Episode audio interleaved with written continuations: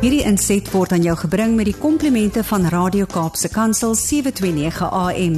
Besoek ons gerus by www.cape pulpit.co.za.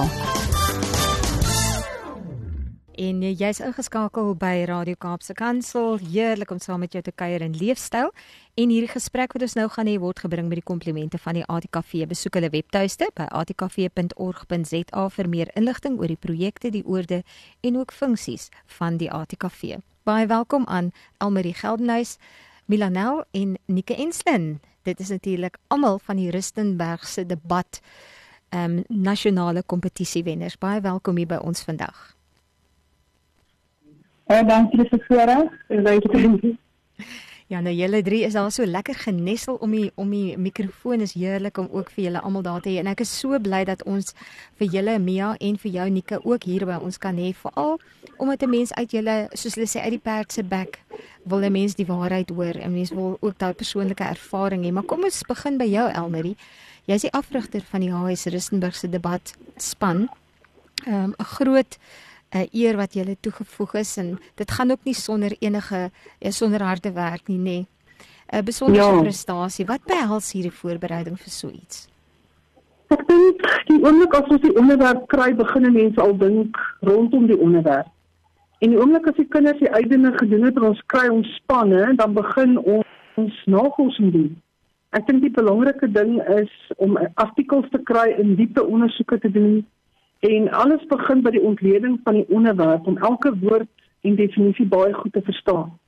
Ehm um, dit is soos 'n mens voorbereiding doen vir jou vak wat jy aanbied. Ek gee ekonomie en die dieselfde manier wat ekonomie benader benader ek die debat onderwerp saam met die kinders. So ek en die span werk saam om in diepte te gaan kyk wat presies die onderwerp behels.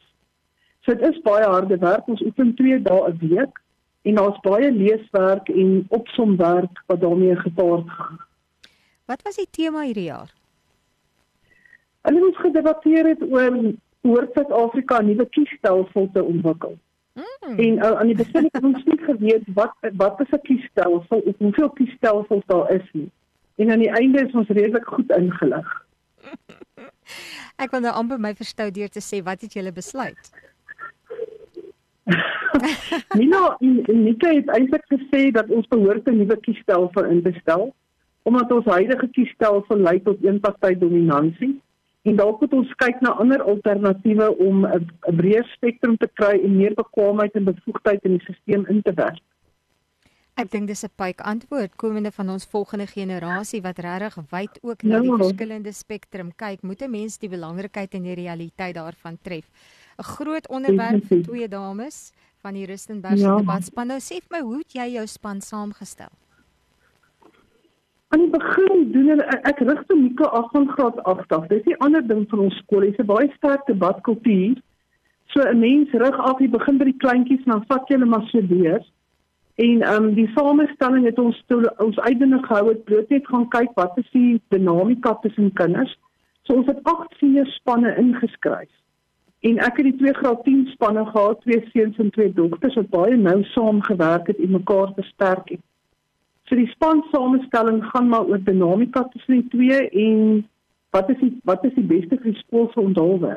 Ons kyk ook na ons is prestasie georiënteerd georiënteerd so ons wil ook hê ons spanne moet so goed as moontlik voorberei wees. Jy praat van 'n seunspan en 'n meisiespan. Wat is die ja. verskil in die dinamika van 'n gemengde span versus enkel 'n uh, uh, selfde geslagspanne? Ons ek het al ehm um, gemengde spanne afgerig en vir my is selfde geslagspanne beter. Want die ehm um, as jy 'n seun en 'n dogter saam is, moet mense so in ag mekaar in ag neem dat jy vergeet jy moet eintlik die ander span ehm um, oordonder in die debat. Ja. Terwyl jy twee dogters of twee seuns is, dan werk is daai dinamika klaar in plek en kan 'n mens net fokus op die opponente. So ek dink dieselfde geslag um, span het my meer voordele as 'n gemengde span. Hoekom is dit vir jou belangrik dat ehm um, dat uh, jy sê julle is julle is uh, uh ook ehm um, prestasie georiënteerd, maar jy weet vir 'n skool soos Rustenburg ehm um, of vir enige skool, hoekom is dit belangrik om deel te neem aan hierdie tipe van kompetisies? Skool se beeld en um, 'n mens wil nie net bekend staan as 'n sportskool nie. 'n Mens moet 'n gediversifiseerde aanslag hê vir jou leerders in jou skool. En ek dink debat skep 'n goeie geleentheid om ander kinders uh, wat nie noodwendig sport georiënteerd is te betrek. Um, in ons skool het ons die voorreg dat ons debatkinders is gewoonlik ons baie betrokke kinders en ons leiers en ons meningsvormers. Baie van ons redenaars doen ook debat. So ons het 'n baie sterk kultuurkind wat deelneem aan debat. En ek dink dit is goed vir ons skool, vir die gemeenskap om te weet jy kies 'n hoërskool en sport is belangrik, maar kultuur is net so belangrik. Ja, nou kom ons by Mila. Mila, ehm um, Nel, jy is een van die, die spanlede wat uh, gewen het. Baie geluk aan jou. Wat beteken deelname aan die projek vir jou? Um Ek kan met eerlikheid sê hierdie proses het ons emosioneel en intellektueel uitgedaag, maar ook verskriklik bevorder. Dit het ons geleer om doelwitte te stel en om alles in ons vermoë te doen om hierdie doelwitte te bereik. En die bande wat gevorm is, is natuurlik van onskatbare waarde. Um na hierdie debatervaring is ek unieke, werklik meer as spanmaats, maar ons is hartsvriendinne. Dis 'n ekstra lekker bonus van so iets, nê, nee, want 'n ou sweet saam. Mm -hmm nagte lank saam en dan later dink en praat 'n mens saam, nê. Nee. Wat het jy omtrent jouself ja. geleer in hierdie proses? Ek het geleer dat uitdagings verwelkom moet word en ek het en gesien word as geleenthede om myself te bevorder en te verbeter. Ek het tydens die proses geleer hoe om 'n spanstruktuur te funksioneer, deur mekaar te versterk en ondersteun om 'n gemeenskaplike doel te bereik. Verder het ek geleer hoe om oorsake en gevolge te kan identifiseer en om die gevolge van gevolge te kan evalueer. En ek het ook geleer om sake logies uit te redeneer en om my opinie oor te dra. Ja, dis natuurlik daai logika wat ehm um, wat 'n mens soms uh, baie keer word aan 'n vrou gehang uh, se skouers gehang gesê hulle is impulsief. Maar ehm um, hierdie tipe van vaardighede help 'n mens net 'n bietjie meer soos hulle sê level-head te wees wanneer jy in 'n konfrontasie situasie beland en nie tipies uh, soos 'n meisiekind op te tree nie, nee. Dit is absoluut so ja. Manika, jy en uh, Nika Enslin, waarom het jy deelgeneem?